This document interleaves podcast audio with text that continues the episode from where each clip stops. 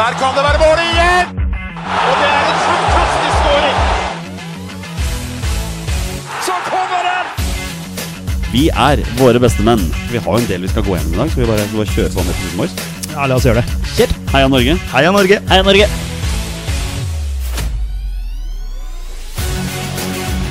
Takk, Ole Gunnar Solskjær!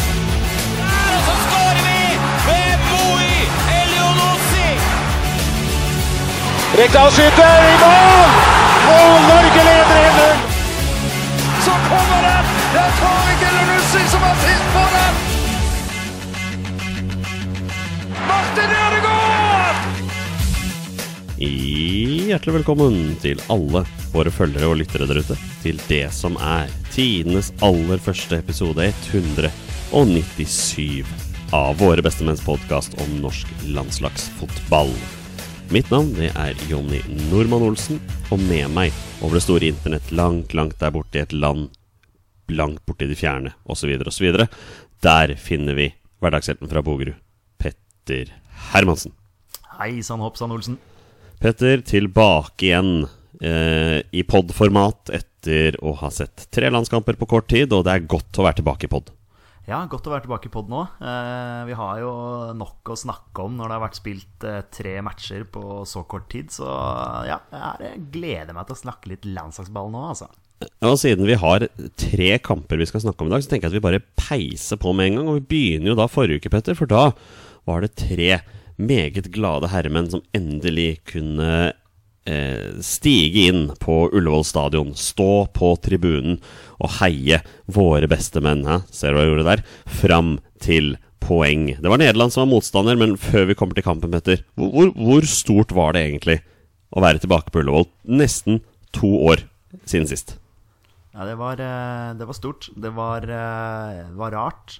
Eh, rart å være på en så stor kamp, egentlig, med, med så eh, få eh, mennesker til stede. Da. Det var jo bare 7000 der. Eh, en, sånn, en sånn kamp hadde jo fylt eh, Ullevål til randen.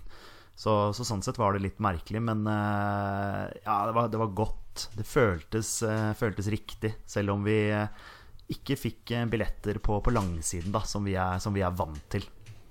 Og på tross av at det i bare i gåseøynene var 7000 mennesker her, så vil jeg si at det var god stemning. I hvert fall der vi sto.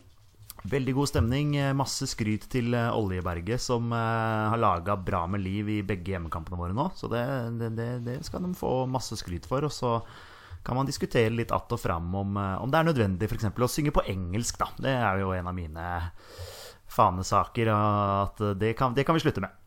Det er nok ikke bare din fanesak, men la oss nå bare gå rett over på kampen. Vi fikk jo en gedigen overraskelse allerede før kampen ble sparket i gang, da Ståle Solbakken vraket Kristoffer Ayer fra startelveren. Det var det ingen som så komme, Petter. Nei, det så ikke komme i det hele tatt. Uh, Ayer sin store styrke er jo dette her med at han er utrolig god med ballen. Uh, Ståle så kanskje ikke for seg at uh, det ble så mye eh, balletrilling, eller holdt jeg på å si starting av angrep eh, i forsvaret, sånn som Ayer er veldig god på, mot, mot Nederland. da Så det var vel det som var, var tanken der. Men eh, Hanke Olsen inn der eh, er, jo en, er jo en solid eh, spiller så med mye trøkk. Så det var vel det Ståle trengte i den kampen, da. Og vi kan vel si at uh, Hanke Olsen gjorde seg ikke bort i kampen eh, mot Nederland. Han og Stefan Strandberg gjorde, gjorde sakene sine bra bakover der. Ja, det syns jeg, jeg absolutt. Uh, egentlig ganske solid uh, forsvarsspill. Hvis du liksom tenker tilbake på Tyrkia-kampen, f.eks., hvor vi ikke hang sammen i det hele tatt, så har vi jo defensivt tatt uh, mange steg. Så, så det så ganske bra ut, altså. Fra, fra André Hansen bakerst og, og fram til stoppere og, og bekker. Så det Ja, ikke noe, ikke noe å ta dem på der, altså. Men eh, hvis vi bare ser kampstarten her, altså de første, de første minuttene av kampen, så står jo du, jeg og Torstein på tribunen, og det eneste vi tenker er når skårer Nederland? For de hadde ballen eh, stort sett hele tiden. Vi hadde nok på å forsvare oss. Et par småfarligheter fra eh, Braut Haaland, da, som, som kom igjennom der. Men stort sett så hadde Nederland ball. De trilla, venta tålmodig, og vi tenkte at her er vi ute å kjøre. Ja, vi gjorde det. Vi, vi sto bare og venta på som du sier, at Nederland skulle skåre. Du ser at de har eh, gode, gode ballspillere. At de, de er jo et noen, noen nivå høyere enn oss, sånn ferdighetsmessig. Det, det ser man jo. Eh, men eh, så lenge man ja, vi, vi, tenkte at dette her blir en forsvarskamp, og at vi bare skal ligge og forsvare oss. Men uh, utover i kampen så, så, så, ble det jo ikke sånn. Kampbildet endra seg jo, spesielt i andre omgang, da. Men uh, nå som vi er i første omgang, så, så, så, var det bare tidsspørsmål, egentlig, sånn fra tribunen i hvert fall, at, uh, før Nederland skulle score. Fordi de kom liksom på bølge på bølge og, og, og skapte trøbbel for oss. Men så fikk vi en corner, som jeg så pent har skrevet i vloggen vår fra kampen. Og den, kjære lyttere, kan dere finne på YouTube. Bare søk på våre beste menn der. Kommer det en corner fra Martin Ødegaard, den blir headet ut. Så blir den på en eller annen måte tuppet inn i feltet igjen og havner i beina på Braut Haaland. Min, min uh, kompanjong Petter ved min side sier det er ikke offside. Det er ikke offside. Braut kommer alene. Jeg mener det er en iskald avslutning nede i hjørnet. Du mener det er en flump. ja, det er vel eh, Ja, det er eh, den klassiske klabb og babb der. Og så er det vel Strandberg, tror jeg, som, som lemper den inn igjen. Og Braut eh, Det er nydelig måten han legger ballen ned på der. får en touch der, og så er det vel van Dijk som kommer skliende inn, og så ja, så flumper ballen på en måte litt sånn i Braut, og ja, jeg er jo en litt sånn ja, du, kan, du, kan, godt skryte på å si at det er en kontrollert avslutning, men uh, ja, ja, den gikk i mål. Eh, vi tok ledelsen 1-0, og ja det, det, Der og da så kunne det jo se ut som offside. Eh, så man var jo liksom, vi, vi visste jo at liksom VAR var, var med i bildet her også, så vi tenkte sånn ah, blir den, ah, Nei, nå kommer VAR og dreper gleden her, men heldigvis så, så, var det godkjent scoring og, og 1-0 til Norge. VAR skulle komme og drepe gleden i en helt annen kamp. Vi skal inn på den litt senere. Men vi tar ledelsen 1-0. Det er selvfølgelig Erling Braut Haaland som får skåringen der. Dessverre så varte ikke gleden altfor lenge. Eh, det tar ikke lang tid før Nederland utligner. Fra vår posisjon ca. 450 meter fra mål, så var det litt vanskelig å se hva som skjedde. Men Petter, du har bedre syn enn meg, så kan ikke du, kan ikke du forklare våre lyttere hva som skjedde der? Ja, Nå er det noen dager siden dette her skjedde, da. Uh, nei, de, de, kommer rundt på, de kommer rundt på høyre, høyresiden sin. Uh, slår inn uh, langs gresset, og så er det en eller annen fæl nederlender, da. Jeg husker ikke navnet på en som skåret engang, uh, som, som setter den i mål. Hanke Olsen Han er borti ballen der, tror jeg, i det innlegget eller pasningen inn i feltet kommer. Eh, kanskje han kunne gjort bedre, men eh, nei, skal ikke ta ham på den. Og så er det egentlig en enkel jobb å, å sette den ballen i mål, da. Det var Davy Clasen som skårte Nederlands mål ja. i, i, den kampen. Så, da, da, har vi 1-1, og så tenker man jo ja, da er vi kjørt. Nederland kommer til å rulle på videre. Men så, så kommer vi liksom utover andre omgang. Vi står kompakt i forsvaret vårt. Jeg opplever ikke at Nederland har noen enormt store målsjanser. Jeg syns forsvaret vårt gjør en ganske bra jobb. Det er klart det er ikke alltid nødvendigvis pent å se på, vi må jo prøve å forsvare oss og ta dem på kontringer. Og vi får én sjanse der til å ta dem på kontringer andre gang. Martin Ødegaard med en perfekt pasning. Tima og tilrettelagt for Erling Braut Haaland. Selv om vi står 650 meter unna mål, så er vi sikre på at den der går inn. Det ser så trygt ut! Så går skuddet i stolpen. Ja, det er, det er jo 2-1, det der. Vi er jo helt sikre. Eh, som du sier, vi står langt unna, så det er vanskelig å se. Men eh, den gikk i stolpen. Eh, der ser man jo Martin Ødegaard sentralt i banen, da, og hvor, eh, hvor, bra han er med disse stikkerne sine. Eh, som du sier, helt perfekt pasning. Altså, Braut Haaland han lever og ånder for sånne pasninger som det der, hvor han eh, iskaldt alene med keeper setter ballen i mål. denne gangen så ja, traff han uh, ikke godt nok, da. Og den gikk dessverre stolpe ut for vår del. Men uh, jeg syns hele andreomgangen uh, vår, der står vi virkelig, virkelig fram, altså. Og man har snakka om dette med typer og krigere og sånne ting. Eh, Thorsby nordmann på sentral midtbane der. De, de, ga mye juling, altså. Og det, det elsker vi supportere å se. Den offisielle statistikken fra kampen viser 66% ballinnehav til Nederland. 16-7 i avslutninger fra Nederland, men kun fem på mål fra Nederland. Så jeg vil ikke si at de var direkte livsfarlige hver gang. Altså Åpenbart et meget solid lag. Um, men jeg, jeg, vet ikke. Jeg, jeg syns ett poeng hjemme mot Nederland var wow, Jeg syns det var fortjent, det. Ja, jeg syns også vi, vi, vi kjempa og fighta såpass bra, og spilte bra. Jeg syns spesielt andre omgang var god. Og jeg syns spesielt, uh, for å dra fram en spiller, Moe Elionossi viste seg veldig veldig bra. Den, den venstresida vår den er giftig, altså, med Moe der og Birger Meling. Eh, Moe viser at han er i kjempeform. Han har noen eh, driblegreier der hvor han vipper den over en, nederla, en nederlandsk spiller, og, og, du bare ser han er, eh, han er spillesugen og i form, da. Så det er helt gull for vår del at han, at han er i gang i Southampton og tar med seg den formen inn på landslaget. For, eh, for den venstresida der Tidligere så var det høyresida vår som var eh, skikkelig giftig. Nå har vi jo fått en skikkelig skikkelig bra venstreside. Så det Nei, Moey syns jeg var knallgod i den eh, matchen der. og det er jo ikke noen spillere som var, eh, var dårlige i den kampen her. Det er et landslag som, eh, som, kriger og jobber og spiller på det de er gode på. Vi, vi, vi, må Vi kan ikke forvente at vi skal dominere mot Nederland. Eh, ikke enda i hvert fall. Men kanskje vi kommer dit en gang. At vi klarer, sånn som Sverige, da, bare for å dra fram Sverige, som, som vinner eh, mot Spania. Det er jo det vi drømmer om, at vi på et tidspunkt skal kunne slå disse her store nasjonene. Sant? Vi har 1-1 mot Spania for ikke så lenge siden. Vi har 1-1 nå mot Nederland. Det er jo to store nasjoner som ja, på, på en litt bedre dag så kunne vi faktisk ha vunnet også, men vi kunne også ha tapt den kampen mot Nederland. Altså. For det, de, er, de, er, veldig nære på slutten der, hvor André Hansen må, må strekke seg så lang han er for å, for å avverge scoring. Vi kommer dit en dag, Petter. Vi kommer dit en dag. Ja, det gjør vi. det gjør vi det er, eh, etter den, Bare for å ta det sånn nå, etter den samlinga her, så, så, får man jo veldig trua. Man gjør det, altså. Rekdal skyter i mål!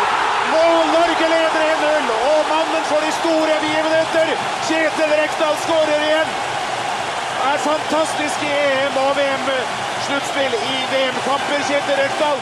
Vi hopper videre til den andre kampen i denne runden av landslagsfotball. Det var på lørdag, Petter. Bortekamp mot Latvia. Kristoffer Ayer tilbake i startelveren.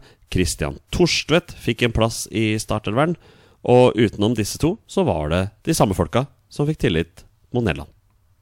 Ja, eh, det var jo tanke igjen da med Ayer at eh, her skulle vi ha mer ball enn mot, eh, mot Nederland. Og kunne starte angrep via Ayer, og det er han. Som nevnt 100 ganger tidligere, han er veldig veldig god på det. Så, så det, den tanken skjønner jeg veldig godt. Og jeg må bare si at jeg syns uh, førsteomgangen uh, Så å si hele førsteomgangen, så er vi Så dominerer vi så voldsomt. Og det syns jeg var utrolig gøy å se. Det er ikke så lenge siden vi uh, vant 2-0 borte mot uh, Færøyene f.eks. og spilte en elendig fotballkamp. Uh, vant 2-1 borte mot Malta for en tid siden og var skikkelig dårlig. Men her syns jeg uh, greit at vi møter en dårlig motstander uh, som Latvia. Det er et lag vi skal slå, men jobben skal gjøres. Og jeg syns liksom fra start til slutt egentlig den kampen der, bortsett fra kanskje siste ti minuttene av første omgang og begynnelsen av andre omgang, så da, da, henger vi ikke helt med. Men eh, resten av kampen så dominerer vi totalt og, og skaper masse sjanser på bortebane. Det syns jeg er kjempepositivt. Og vi har tidligere vært kritiske under Solbakken til at vi ikke har hatt noe godt angrepsspill. Men eh, relasjonene begynner å sitte nå. Igjen spesielt venstresida der med Meling eh, Moe. Giftig og veldig veldig gøy. Og vi har Braut Haaland der framme. Jeg syns Torstvedt også Uh, har, uh, han viser at han har noe på det laget der jeg gjør. Det er så mye punch og så mye trøkk i den gutten der. Og så er han på en måte Han dukker opp der det skjer, da. Det ser du mot Latvia, og det ser du mot Gibraltar også. det så du i bortekampen mot Gibraltar også. Så han er en sånn, han er en sånn type som, som, jeg bare digger. Så jeg er veldig glad for at han at han eh, spiller. Uh, fortsatt ikke helt skjønt hvilken posisjon han har på landslaget, men han, han, er liksom der framme og jobber ræva av seg, og det, jeg elsker det. Jeg synes For oss var det liksom litt sånn at den samlingen her så spilte vi 4-2-2 Torstvedt 1. ja. han var ja, han var liksom flytende. Det er så gøy å se at liksom, Torstvedt har blitt en så viktig del av det laget her da, under, under Ståle Solbakken. Så nei, jeg syns uh, vi gjør en uh, veldig, veldig bra, bra bortematch, altså, og, og, skal selvfølgelig vinne med flere mål. Men uh, når du først snakker om Christian Thorstvedt, han havner jo i, i begivenhetenes søkelys her etter 20 minutter i bortekampen mot Latvia. Han blir jo regelrett meid ned i straffefeltet i Latvia her. Soleklar straffe. Hele Twitter-Norge var enig i den vurderingen, var det ikke det, Petter? Jeg skjønner, jeg skjønner hvor du vil hen. Eh, det er klart at når man sitter eh, godt planta nede i sofaen her og, og ser situasjonen der og da, så roper man jo på straffe. Eh, når man da ser den i reprise, så tenker man Oi, den var vel litt billig. Eh, men det er, det er, en sånn eh, situasjon som eh, altså Hadde det blitt dømt frispark ute på banen, så hadde ingen reagert. Men i og med at det er innafor 16-meteren, så, så, blir det reaksjoner. Og ja, faller vel gjerne litt lett, men eh, dømt er dømt. VAR sjekka det også og sa at dette var good to go, så da var det bare for Brauten å dunke den inn i, inn i hjørnet. Føler meg ekstremt trygg når Erling Braut Haaland skal ta straffer. Jeg syns det er en veldig deilig følelse. Han er så bankers på straffer. Ja, han, uh, han er jo det. Så han er jo i utgangspunktet ganske bankers uh, alene med keeper. Selv om vi selvfølgelig har sett at han har bomma. Han gjorde det mot, han gjorde det mot Nederland et par ganger også, på, på, noen sjanser hvor man tenker at ah, Braut, der skal du jo score. Men uh, ja, han dunker den uh, inn i hjørnet og, og 1-0 der. Og ja, som sagt, altså, vi skulle skåret flere mål der. Moi har noen gode sjanser der i, i første omgang også. Og det er fint at du nevner Moi, for etter 66 minutter av kampen så er det Moi som får æren å sette 2-0. Og det, Petter Hermansen, det er et meget bra angrep. Praktangrep. Nydelig. Det er, eh, det er vel til slutt Meling som, eh, som finner Moi der. Og uh, han har en uh, nydelig første touch, og så banker han ballen i, inn i hjørnet. Og 2-0. Og da, da, var det, da var det kjørt. Den uh, offisielle statistikken fra kampen er jo enda mer dominerende i vår fordel enn det var når Nederland var på besøk. Altså Vi har 69% ball. Vi har 24 forsøk på mål Nei, 24 uh, av, avskytinger, eller avskudd. Skudd! Skudd. Avslutninger. Avslutninger. Takk skal du ha. Hjelpe meg, det er seint på kvelden. Ja, det er sent på kvelden. Elleve uh, skudd på mål. En, det burde kanskje vært tolv skudd på mål uh, hvis Joshua King hadde klart å stokke beina sine. Ja, faktisk. Den, den teller jo ikke som sjansen. Og, og det, det gjør jo ikke det. det er jo, den teller jo som Han har jo en heading i stolpen også. Den teller jo som avslutninger, men ikke på mål, da. Uh, fordi stengene er jo ikke en del av målet. Altså the target. Målet ditt er jo å treffe innafor stengene. Yep. Uh, så ja, selvfølgelig. Uh, Joshua King, ja. Det, ja. det, var jo Han skulle jo scora. Han kom inn han kom inn to minutter før kampen var ferdig. Han rakk å heade én gang i Var det ikke stolpen han hedda? Jo, jo, jo. Og han klarer å bomme på en enorm sjanse, så vi kan vel være så ærlige å si at det var ikke Joshua Kings eh, landslagssamling, dette her. Nei, det var det ikke. Han har jo noen uh, gode muligheter mot uh, Gibraltar også, som, vi, som, han misbruker. Så ja, nei, den, den, ene der hvor han blir spilt på tvers, og det er åpent mål, og han tråkker på ballen, det er jo Ja, du må liksom tilbake igjen til liksom Sørloth, da. var det ikke Kypros hvor han hadde en gigantmiss der? Stemmer det. Når han var på sitt laveste. Nettopp. jeg vil ikke si at Joshua King kanskje er på sitt laveste nå, men men han er jo ikke stinn av kamper og kanskje ikke stinn av selvtillit, selv om Joshua King slår meg som en type som, uh, som alltid har selvtillit. Men uh, mye, sit, mye, sitter i huet. Den, den der skal, skal, han jo selvfølgelig bare kontrollert sette i mål. Så uh, veldig synd for, for Joshua King, og veldig synd for oss som satt med over 2,5 mål. Jeg, jeg, driver og blar bakover på Joshua Kings profil på flashscore her for å finne sist han skårte mål i en tellende kamp for klubb eller landslag. Uh, men den, den, går ikke lenger bakover enn til 17.2, uh, eh, så han har ikke skåret mål siden før det, i hvert fall. Så det tyder på at uh, han er ikke så Han er ikke i sin aller, aller beste form for tida. Nei, han, han, var jo tidligere den vi på en måte så, så til, da. At det var han som måtte gjøre det for oss. Uh, nevnte Spania-kampen i stad, hvor vi får straffe på overtid. Og han, han, er den som skal gå fram og være iskald. Og det, han var jo den mannen. Nå er det liksom Erling Braut Haaland som, som, kanskje er litt mer den mannen å, å se til da når man skal, når man skal skåre mål. Han har ikke skåret mål i en, en tellende kamp for klubblaget sitt siden nedrykkssesongen til Bournemouth inn i 2019-2020. Faktisk. Nei, har fått litt spilletid for, eh, for, Watford nå, så vi kan jo bare håpe at han kommer skikkelig i gang der, da. Det hadde vært veldig moro. Og et nytt skudd, og det er 2-0!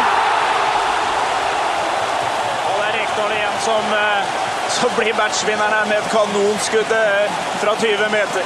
Og det er et veldig fint norsk angrepsspill. Gode prestasjoner over hele linja. Vi hopper rett til den avsluttende kampen i denne landslagssamlingen. Den ble spilt i går. Petter Hermansen, du, jeg og Torstein Bjørgo var selvfølgelig på Ullevål sammen med 9997 andre mennesker, som fikk se Norge smadre Gibraltar opp og ned.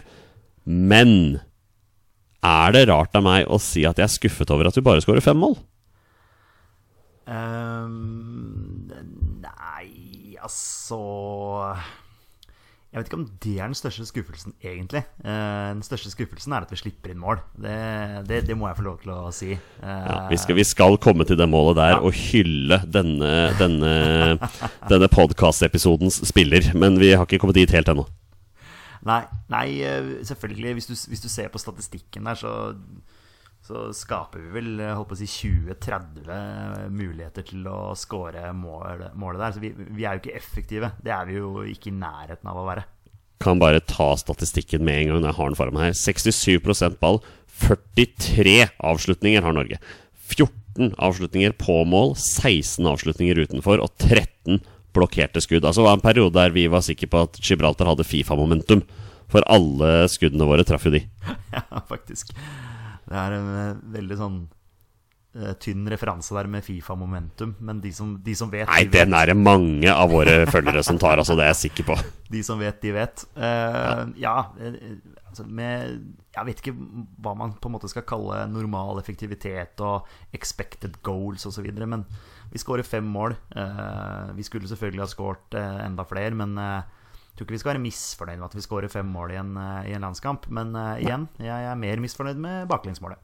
Vi, eh, vi brenner jo sjanse etter sjanse etter sjanse etter sjanse i de første 23 minuttene av kampen, før eh, den frie mannen, eh, Christian Torstvedt, får en nydelig pasning fra Birger Meling og setter den mellom keeper og stolpe. Altså, det er et bitte lite flik der. Han har et helt mål på motsatt side å sikte på. Han velger å sette den i motsatt. Den er, det er strøket. Ja, er det ikke sånn man skal gjøre? At man skal sette ballen tilbake der den kom fra? Det vel Jo da, det var bare det at det var så, det var så liten plass der. Ja. Altså, jeg følte han hadde hele mål på motsatt side å sette den. Ja, nei, men det var en kontrollert, hard, eh, god avslutning. Eh, og det var Og da får man jo den der litt Man blir kjempeglad, og så blir man litt letta. For da har man fått hull på byllen, og så vet man jo innerst inne at nå er kampen kjørt.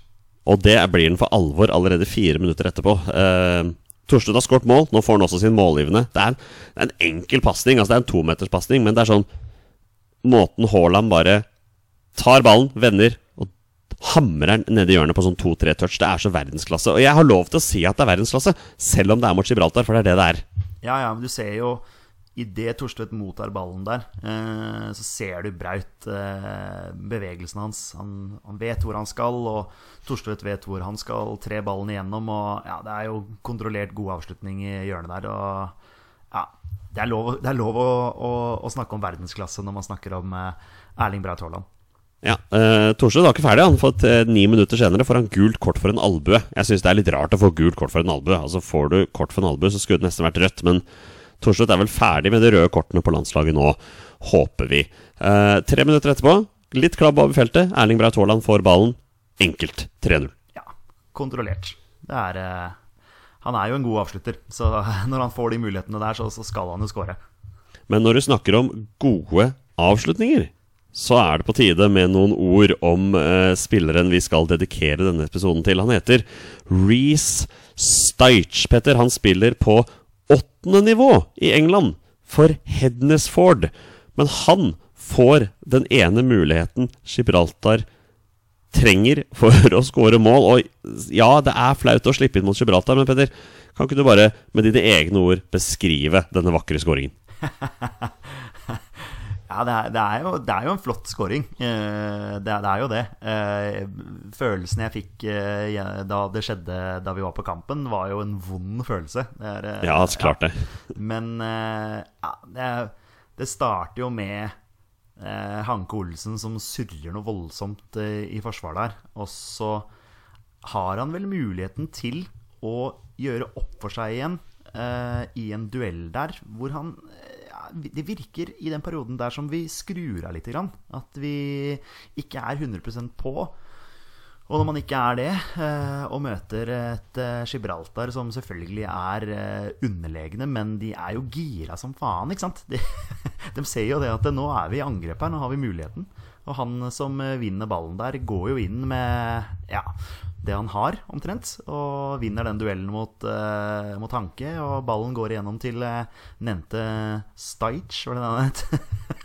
ja, re-stitch. Altså, Stitch, Stitch. kjært barn har mange navn. Stitchy. Han Stajci. Uh, kommer aleine med Nyland. Eh, ballen er jo fri der, og Nyland er jo på vei ut. Eh, og trekker seg jo litt, mener jeg, da. Og gjør seg så liten han kan, sånn at det er lett for uh, Boy å, og chippe den uh, i mål via tverrliggeren. Det er jo en flott avslutning, for all del. Uh, jeg mener uh, som gammel keeper selv at der kan Nyland gjøre, gjøre bedre. Han skal gjøre jobben sin ved å gjøre målet mindre, men for meg så syns jeg han gjør målet litt større, ja da. Så eh, det, blir litt, det blir litt feil der, så Men ja. Skal kanskje ikke bruke tid på å henge han ut, men så gjør jeg det litt allikevel. Syns, Jeg tror egentlig- syns Nyland kan gjøre det bedre der. Det er konklusjonen.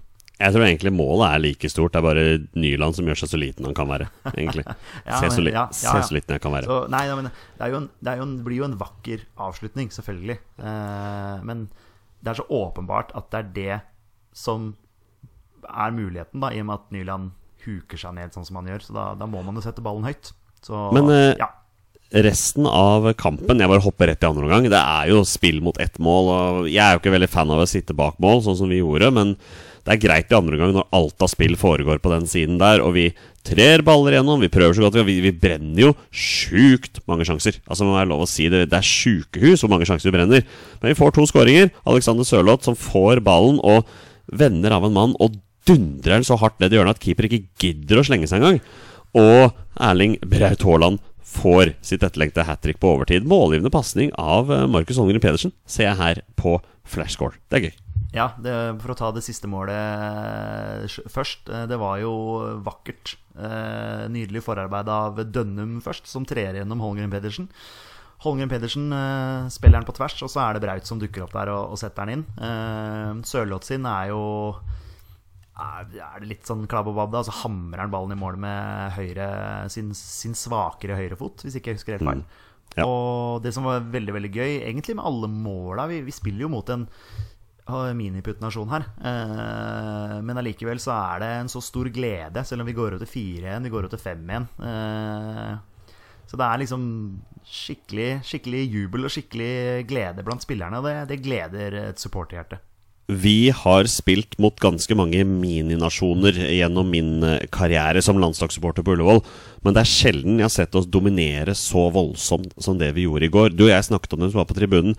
Altså Det vi viste mot San Marino for noen år siden, når vi vant 4-1, det ligna ikke grisen. Altså Det vi så i går, var et lag som var så mange klasser bedre enn motstanderen, og de visste det. De visste det innmari godt, og de spilte på hele registeret sitt. Altså Holmgren Pedersen og Birger Meling var ikke backer i den kampen her. De var eh, reservevinger ved siden av eh, sine makkere der. Og det var, det var spill mot ett mål, og, og sånn skal det være. Og derfor blir jeg litt glad, jeg, da. Derfor blir jeg litt glad over det vi presterte. Jeg veit det er mange som liksom er opptatt av å snakke om at ja, ja, det var bare Gibraltar, bla, bla, bla. Men de, de samme folka hadde jo slaktet Norge hvis vi bare hadde vunnet 2-0. Her vinner vi 5-1. Vi burde vunnet 10-0. Men det, altså bare det at vi klarer å komme til alle sjansene, det er en start på noe. Og jeg, jeg, jeg litt sånn som deg, jeg har trua, jeg. Jeg har trua på at vi bygger noe riktig her.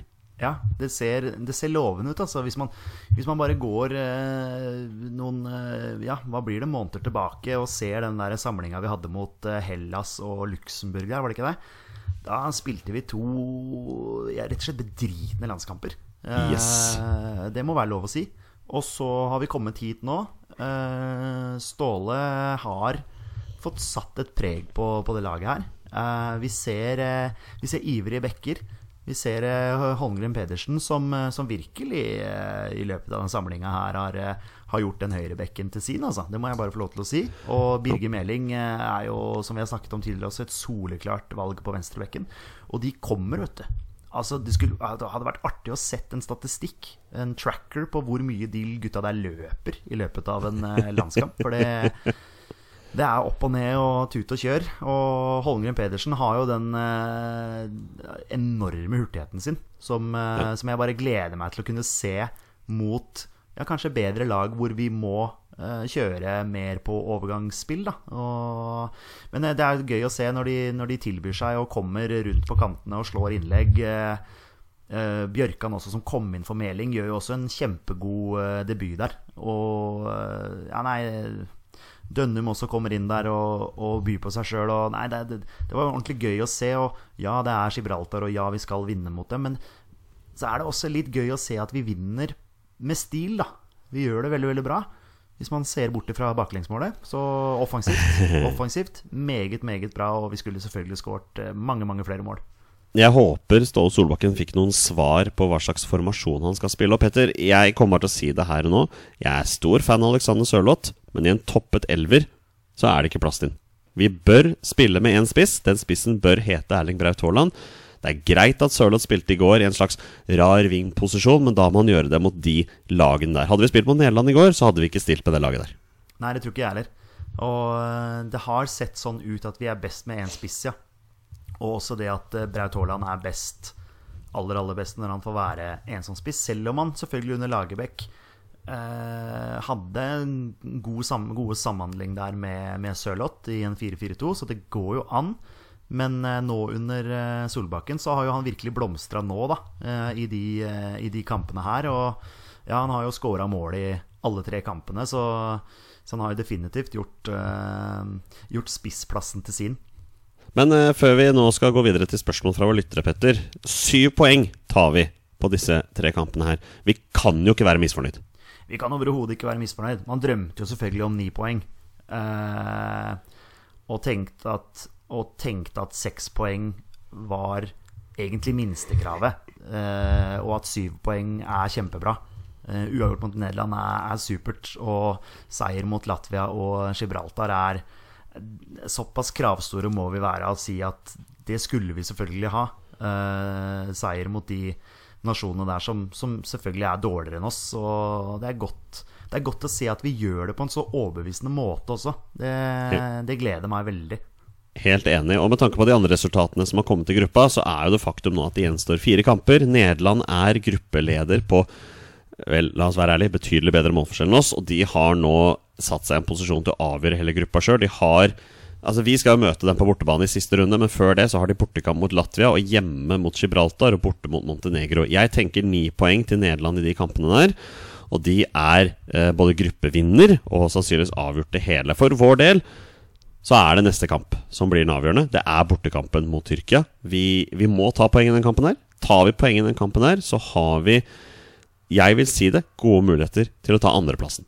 Og det er vel andreplassen vi må gå for. Ja, det er, eh, det er, som du sier, Nederland har eh, et ganske greit program der. Eh, man kan nesten håpe at de er klare før de skal møte oss, og at vi, vi har mest å spille for i en sangkamp, kanskje. Det kan jo slå begge veier, selvfølgelig, men herregud, det er det 8. oktober da vi møtte Tyrkia.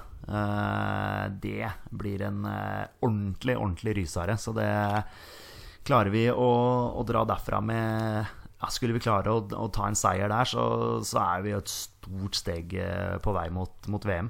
Og det er et Tyrkia-lag som mangler Soyonsu fra Leicester og Kabak, som begge to ble suspendert i maltrakteringen eh, de fikk fra Nederland i går. Det er jo savn for de, selv om Twitter prøver å påstå noe annet. ja, han der Soyonchu Han skåra vel mot oss uh, da vi hadde hjemme, ja. hjemmekamp. Han, han får mye tyn på Twitter, ser jeg. Ja, ok, ja ja, nei, Det kan jo godt hende det at det er en blessing in disguise for, uh, for Tyrkia. men uh, det, det, får tiden vise. Men uh, ja, det er en måned til neste landskamp, og ja, begynner å ja, kjenne litt på nervene allerede. Han skårer igjen! Og Norge i det 46. minutt opp i 3-0! Det hadde vi ikke trodd da det var igjen ti minutter. Vi tar noen spørsmål fra våre lyttere, eh, og vi begynner med det som ikke er lytter, men som er den siste mannen i det trehodede trollet her, som er våre bestemenn, Petter. Torstein Bjørgo kunne ikke være med oss i dag, har sendt inn spørsmål. Han vil ha spillerbørs på gjengen gjennom denne samlingen? Det er et fryktelig spørsmål å få når klokka er ti på halv ti på kvelden når man har vært gjennom en lang arbeidsdag. Jeg foreslår heller at vi trekker fram de tre spillerne vi synes var best for Norge i denne samlingen. Ja, der, der syns jeg, du er, eh, synes jeg du er sterk, eh, Olsen. Uh, Det er selvfølgelig noe man skulle ha forberedt på forhånd. Eh, Jeg har, jeg har tre navn. ja, du, jeg har også tre navn. Jeg tenker mer Ja. på spørsmålet til Torstein der. At det er selvfølgelig noe man skulle satt seg ned og forberedt. Men eh, Ja. så lenge dette her bare er hobbybasis, så har man ikke alltid tid til eh, det. Så det må vi beklage. Men jeg har tre navn. Du kan starte, du, Olsen. Ja, så kan heller du si om du er enig eller uenig med meg etter hvert som begynner. Jeg begynner med Erling Braut Haaland. Skårer fem mål på tre kamper. Har skåret tolv mål på 15 landskamper. Han er 21 fuckings år. Eh, verdensstjernen vår. Selvfølgelig er han en av de tre beste denne runden. Ja ja, det, det trenger vi ikke å bruke tid på. Neste. Nei. Og han skal også ha hylles for det han gjør etter kampen i går. Når han tar seg tid til å mingle litt med de unge supporterne bak mål, gi fra seg drakta, ball, alt mulig. Altså, mannen er en hedersmann. Ja, veldig bra. Eh, det var flere spillere som gjorde det. Martin Ødegaard, eh, Aron Dønnum gjorde det. Eh, det var sikkert flere også som, som vi så fra tribuneplass, som gjorde dette her. Så det, det er veldig veldig bra. Han skaper minner for livet for disse kidsa som er på kamp. Og, og da får de kidsa lyst til å komme tilbake igjen, da. Det, er jo, de må jo, det må jo være en rekruttering her. Man må jo ha lyst til å komme tilbake på landskamp. Og når spillerne byr på seg sjøl, så selvfølgelig har man lyst til å komme tilbake. Oh yes. Uh, Braut Haaland var min nummer én. Min nummer to, Moi Elionossi. Ja. Det syns også han har vært, uh, vært kanongod.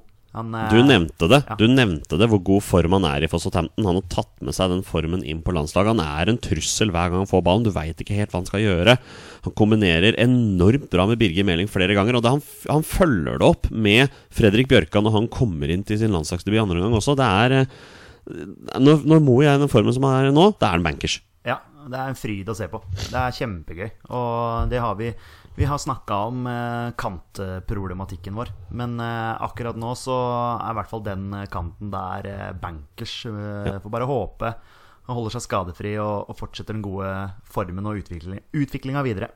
Den siste mannen jeg vil trekke fram, er Birger Meling. Ja, jeg har Det er kjedelig, men jeg har akkurat Jeg har de tre samme, jeg også.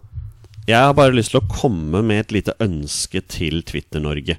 Det er faktisk lov å hylle Birger Meling uten å slakte Haita Malesami i samme slengen. Jeg ser dessverre at det er altfor mange som gjør det.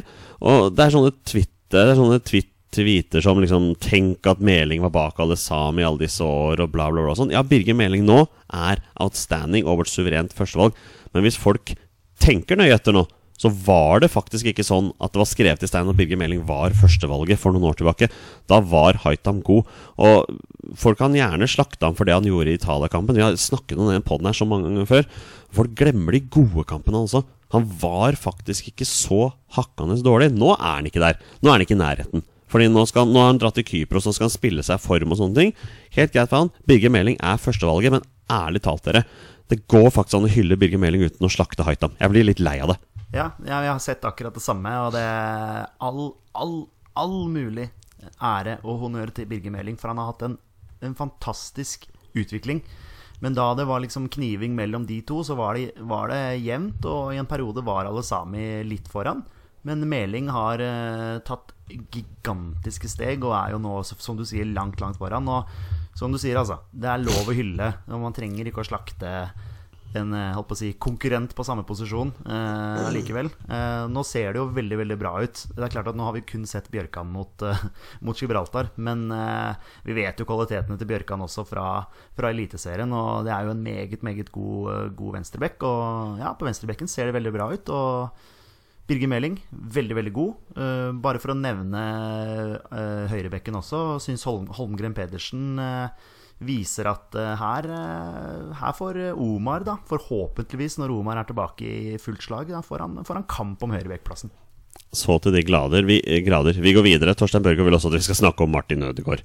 Uh, vi, vi kan nesten bruke hele poden til å snakke om Martin Ødegaard. Vi skal begrense oss til to minutter. Vi skal være dønn ærlige og si vi satt på tribunen i går og var ikke nevneverdig imponert over det Martin Ødegaard gjorde. Vi syns han gjorde mye rart. Han hadde mye ball. Han gjorde jo mye greit også. Men vi blir jo overraska når, vi leser, eh, når vi leser børsen etter kampen og hvor mye skryt han får. Så Petter, det er åpenbart våre beste menn har ikke peilt fotball. Eh, Nei, vi har ikke peiling på fotball. Eh, fra tribuneplass i går så så jeg en eh, Martin Ødegaard som eh, til tider brukte altfor mye tid med ball. Eh, hvor han hadde store muligheter til å spille fra seg ballen. Jeg så en Martin Ødegaard som eh, eh, prøvde å drible, mista ballen. Eh, og for all del, han gjorde mye bra. Jeg syns han, han slo gode dødballer. Eh, det syns ikke Morten Langli. Så, så man, ser jo, man ser jo fotball forskjellig. Ikke sant? Jeg ser en del av de servene fra cornerne syns jeg faktisk er, er ganske bra. Han har jo en veldig, veldig bra fot. Men, men jeg syns, syns mye i banespillet ikke er så bra som det som veldig mange skal hause opp til her. Ja, selvfølgelig han skulle hatt assist, så vi skulle scora flere mål og sånne ting, men, men det er enkelte ting Jeg syns til tider det går litt for, går litt for sakte. Eh, at det kanskje stopper At han kanskje stopper opp spillet mer enn en han er effektiv, da. Eh, savner fortsatt det at han Som han gjorde tidligere, og, og det handler ikke om Det handler om egentlig hele samlinga. Det der med å, å dra av eh, noen mann og, og slå disse her eh, presise stikkerne. Det ser man ikke så altfor ofte. Så eh, helt klart syns han, syns han faktisk spilte seg bedre og bedre utover i andre omgang. Jeg sier ikke at han gjorde en dårlig landskamp, men at han var en av banens beste og var bedre enn f.eks. Moe Elunussi, som jeg syns var eh, strålende. Det, det, det overrasker meg, da. Så, men men jeg, tror, jeg tror kanskje man ser fotball litt forskjellig. Noen ser det på TV-skjermen. Eh, vi ser det fra stadion. Vi ser det fra bak mål. Det kan være sånne ting også som, som gjør at man ser det litt eh, forskjellig. Men eh, jeg syns ikke han var så god eh, i går som, som alle i, i, i gåseøynene skal ha det til. Men for all del, eh, han, gjør en, han gjør en bra kamp, men syns som sagt til tider han, han, han bruker litt for mye tid med ballen og skal noen ganger prøve på litt for mye. Det er noen ganger bedre å la kula gjøre jobben. Men hvis børsfolk er fornøyde, så betyr det at Martin Ødegaard får flere landskamp framover, og ingenting gleder oss mer enn det. Han er tross alt kapteinen vår. Eh, vi, vi lar Martin Ødegaard få hvile for denne gangen nå. Eh, sammen sterkere lurer på hvilken rolle har Sander Berge på dette laget? Det er et kjempeinteressant spørsmål. Uh, Altså, jeg, jeg drømmer jo om en sentral midtbaneduo med Morten Thorsby og Sander Berge. Jeg har nesten ikke fått den. Nei, eh, men så er det liksom Nordmann har jo ikke akkurat eh, gjort seg bort i den samlinga her heller. Patrick Berg har heller ikke gjort seg bort i den samlinga her heller. Så på det er fint med alternativer. Ja, på sentral midtbane så er vi, eh, har vi godt med, godt med folk, altså. Så jeg, jeg er usikker. Jeg er usikker på om det bare er for Sander Berge å spasere seg inn på den midtbanen der igjen, som har vært såpass bra i løpet av eh, den samlinga her. Så vanskelig spørsmål å svare på. Vi- Vi må nesten se hva som skjer nå til neste samling. Da er vel forhåpentligvis Berge frisk og fin igjen, eh, og forhåpentligvis med. Så vi får, bare ta det derfra. Men eh, Ja. vanskelig, vanskelig å svare på. Olai Årdal lurer jo da på Er Thorsby og Nordmann klink på midten nå, eller går Berge rett inn ved neste samling? Altså, Du har jo svart på det nå, at vi må bare vente og se. Ja, vi må det, altså. Eh, Jeg skjønner, jeg skjønner jo at spørsmålene kommer. Jørn Henland har to spørsmål. Er dere enige eller uenige i påstanden om at Christian Thorstvedt får flere landskamper enn sin far? Uh, jeg er uenig i den eh, påstanden. Uh, Erik Thorstvedt har 97 landskamper. Jeg sliter med å se at Christian Thorstvedt skal få mer enn 97. Ja, det, det er jo et veldig kult spørsmål. Uh, jeg får si at jeg får være enig, ja, da, hvis du er uenig. Tenker at sønn, av, sønn av Siv, han eh, går for 100, 100 kamper. Ja, Vi har to mann gjennom tidene som har mer enn 100 landskamper. Selvfølgelig skal Christian Thorstvedt bli den tredje, da. Det er jo skrevet i stein, det. Uh, er Markus Holmgren Pedersen bankers på høyrebekken når Omar El Abdelawi eventuelt kommer tilbake? Eh, hvis Omar kommer tilbake i den gode, gode formen han eh, har vist for Norge tidligere, så tror jeg ikke det. Eh, jeg tror Omar Omar har jo styrke både offensivt og defensivt. Holmgren Pedersen for meg har sin store, store styrke offensivt. Uh, har en del å jobbe med defensivt, men han er ung. Selvfølgelig mye å lære. Omar er mer rutinert, Uh, så jeg vil jo si at uh, holdt på å si prime Omar er bedre og viktigere for oss på høyrebekken. Men at Holmgren Pedersen nå i den samlinga her har tatt mer vare på muligheten sin enn hva Ryerson enn hva Hvem andre er det som spilte på høyrebekken? Jonas Svensson. Gregersen, det var ikke hans feil.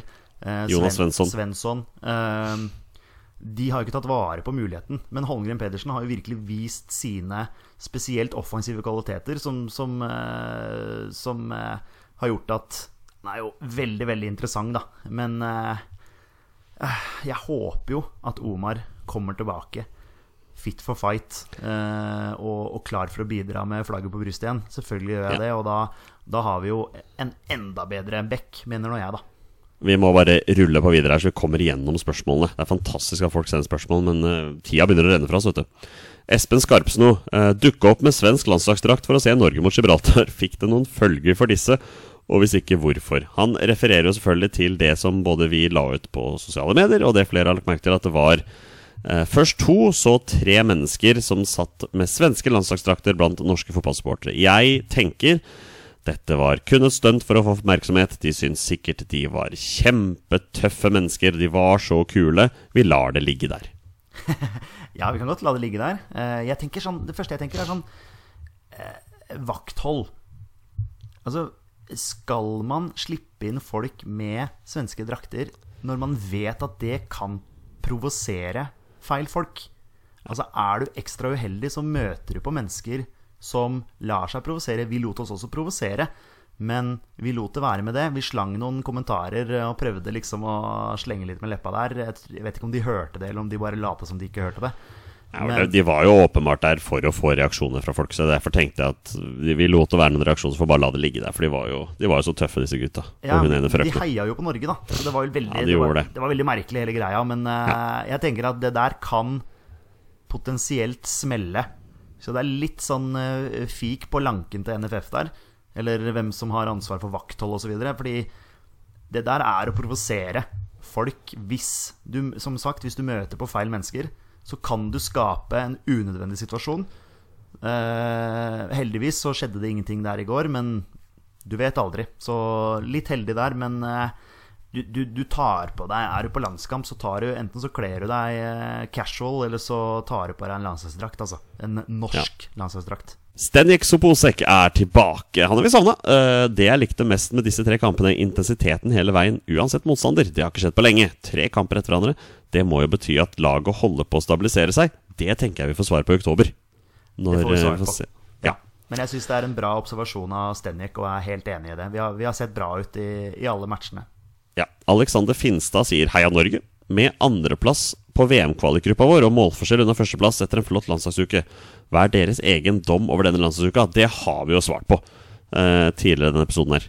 Ja, nei, men vi er, vi er jo strålende fornøyd. Vi er jo det. Vi er det. Vi er det. Eh, han har flere spørsmål. Med sine flotte løp, pasninger, dribleferdigheter av verdensklasse og klasseavslutning på mål mot Latvia, har Moi blitt vår nye Øyvind Leonardsen på landslaget? Ja, det spørsmålet trodde jeg ikke du skulle få. Ja, nei, Jeg vet ikke om han går på så mange sånne Leo-løp, men han, han løper jo mye, selvfølgelig. Og ja, bidrar med pasninger, skåringer, og det gjorde vel Leonardsen òg, så ja, ok, jeg kan kanskje, kanskje kjøpe sammenligninga likevel. Vår eh, faste supersupporter Sigurd, også kjent som soneforsvar, har jo alltid mange meninger på lager, og det, han er ikke noe, det er ikke noe annerledes denne gangen. Mot sterke lag kan vi spille med både Nordmann, Thorsby og Berge samtidig. Tenker da en slags 4-5-1 som de tre sentrale. Jeg tror vi da ville fått en veldig robust midtbane som også kan vinne ballen i gunstige situasjoner og spille fram til Haaland. Tanker om denne taktikken? Jeg syns den blir for defensiv.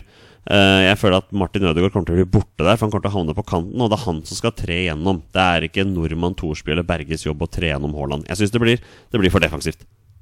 Ja, jeg, kan, jeg, jeg kjøper den. Det er eh, noe med å vite hvordan skal vi se ut når vi går framover. ja, bekkene kommer vel der, så ja, vi, vi må se. Altså, jeg er veldig spent på hva Ståle gjør nå i neste match mot, eh, mot Tyrkia, hvor eh, Berge da kanskje er tilbake igjen. Enig. Eh, Sigurd fortsetter. Baklengsmålet mot Gibraltar irriterte meg grenseløst. Én ting er pasningen, den kan tilgis, men hvorfor gir ikke Hanke Olsen alltid den påfølgende duellen? Kan dere diskutere dette litt? Det har vi også diskutert. Ehm, det har vi jo, Petter. Ja, vi har det. Men, men litt, litt overraska over at Hanke Olsen ikke vinner den 50-50-duellen der, faktisk. For han er, eh, han er mer punch enn som så. Vi avslutter med siste spørsmål fra Eidem. Uh, sett i lys av at vi tilsynelatende har blitt bedre på å styre kamper og skape sjanser mot etablert forsvar, bør vi da gå all out angrepsmodus i Tyrkia? Eller bør vi spille forsiktig og forsøke å styre nettpoeng? Altså, Vi har jo nå satt oss i en posisjon hvor Tyrkia faktisk må vinne mot oss. Så det er de som må gå all out. Så jeg tenker at vi bør roe litt ned og ta litt på kontringer. Ja, man vil vel tenke seg et kampbilde hvor Tyrkia kommer til å styre, eh, og vi må satse på kontringer. Eh, Men ja, vi har vist at vi er eh, blitt bedre mot etablert, og det er veldig, veldig gledelig. Mot Tyrkia, så som sagt Tyrkia kommer til å ha mye ball. Vi kan nok kanskje satse på, satse på kontringer. Man, man, blir kanskje hardere straffa Tyrkia, selv om de nå gikk på en skikkelig blemme mot Nederland og ble, ble rett og slett eh, knust. Så er jo Tyrkia et såpass sterkt lag i utgangspunktet at vi blir vel straffa hvis vi skal gå helt gong ho eh, borte der. Så nei, en rolig tilnærming der og spille på våre styrker komme rundt på kantene med Meling og Holmgren Pedersen der og slå innlegg til Braut, så, så skal vi nok skape kaos eh, mot, uh, mot, Tyrkia.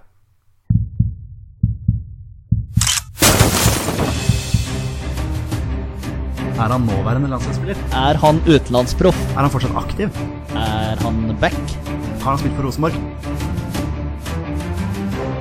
Mine damer og herrer, det er nå tid for 20 spørsmål. Det er på tide å avslutte som vi pleier med en runde 20 spørsmål. Petter har 20 ja- og nei-spørsmål og kommer fram til spilleren jeg har funnet fram. Det er da en spiller som har minst én A-landskamp for Norge. Bonusregelen her våre bestemenn er at når de gjetter navnet på en spiller, ja, da er spillet over, og de har vunnet eller tapt. Petter, jeg er i godt humør. Norge har tatt syv poeng. Du får en tvistfri runde. Tusen takk for det, Olsen. Uh, det er bare å peise på.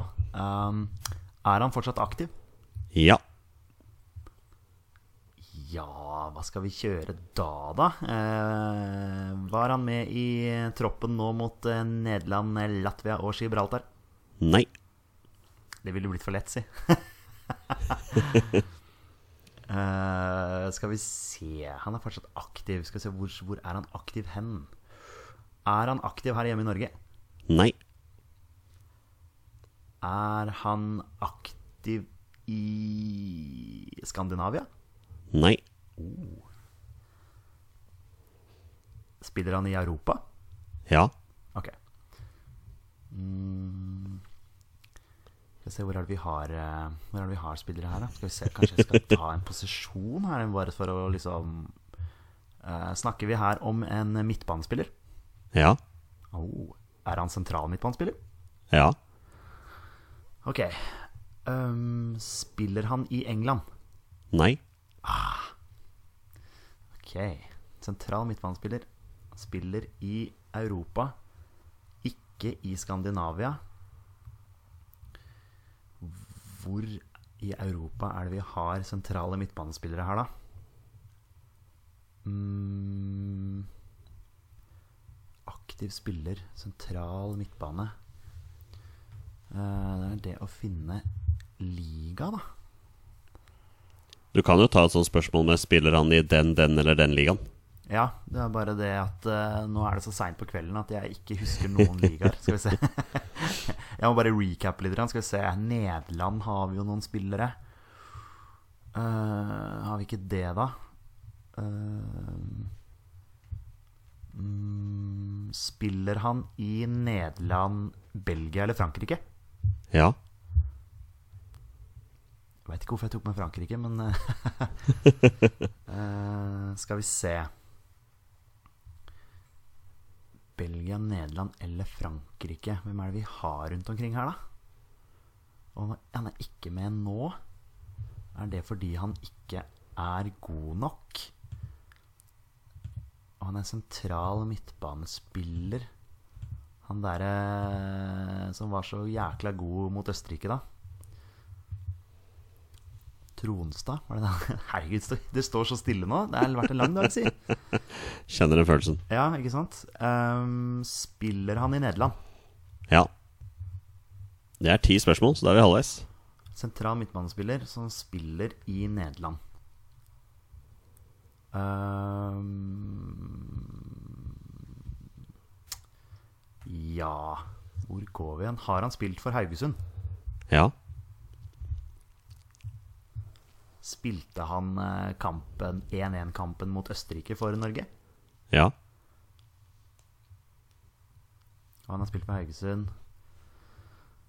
Eh, sånn her, Det står så stille på navn. Det er helt sjukt. Jeg er helt ferdig, jeg nå. Eh, Sondre Tronstad er, det ikke, er det ikke det han heter, da? ah, herregud. Eh, det er faktisk helt sånn eh, jernteppe. Det er bare å Men du veit jo en del nå, da. Ja, jeg vet, jeg vet eh, masse. Spilte det en spiller mot Østerrike som het Sondre Tronstad? Ja.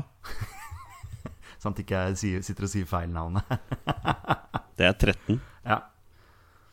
Uh, skal vi se, han spilte mot Østerrike, uh, og han uh, Jeg klarer ikke å huske hvor han spiller hen. Altså hvilken klubb han spiller for. Det, det klarer jeg ikke å huske. Er det noe Nei, jeg tror ikke jeg skal gå, gå inn på det engang. Det klarer jeg ikke å huske. Han har spilt på Haugesund. Hvor ellers har han spilt den, da?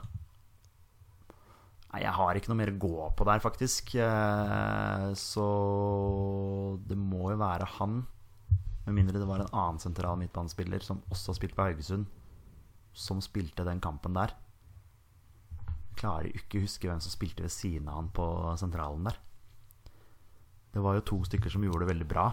Det står jo helt stille akkurat nå. Eh, Men jeg tror kanskje vi bare skal prøve å gå for det. Det kan godt hende det er en eller annen Jeg husker Herregud, jeg står så stille nå. Jeg husker jo at det var to på sentralen der som var veldig gode i den matchen mot Østerrike. Og Tronstad han stakk seg jo veldig ut der. Men så var det jo en mann ved siden av der. Var det kanskje Var det Det var ikke Ulvestad? Nei, ja, stamme. Jeg tror vi bare går for det. Eh, Jonny? Ja. Å, jeg prata mye tull her. Her snakker vi her om eh, Sondre Tronstad? Peder? Det er Sondre Bjorvann Tronstad. Du har helt rett. Takk for det. Spiller for Fitesse Arnhem. Ja, det var, det var de jeg hadde på tunga, faktisk. Men jeg var jeg, ja. Har også spilt for Haugesund. Er jo sørlending. Er jo fra start. ja, ikke Eh, sant. så det, ja. Man faktisk, eh, spilte faktisk to år for Huddersfield. Mellom Start og Haugesund der. Man fikk ikke noen A-kamper for Nei. Huddersfield. Ikke sant. Så det er litt morsomt. Ja, eh, var på alles lepper etter den fantastiske kampen borte mot eh, Østerrike for nødlandslaget. Det er jo et uttrykk som Ståle Solbakken hater, og kanskje er det derfor Sondre Tronstad ikke har vært i nærheten av en landslagstropp siden den gang, selv om han gjør sakene sine bra i Nederland. Hvem vet bedre? Apropos nødlandslaget. Gya Sahid eh, med ny klubb i dag. Gått til eh, tyrkisk fotball, så det er jo Ja. bare å gratulere.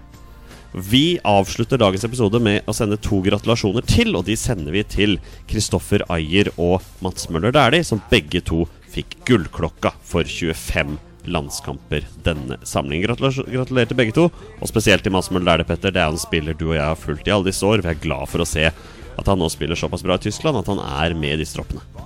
Vi eh, kanskje å dra det langt, men vi elsker, eh, elsker Mads Møller Dæhlie.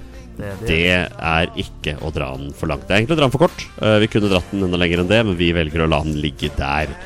Tusen takk til alle dere som hører på. Dere er fantastiske mennesker. Vi er våre beste menn. Heia Norge. Heia Norge. 哦嘿。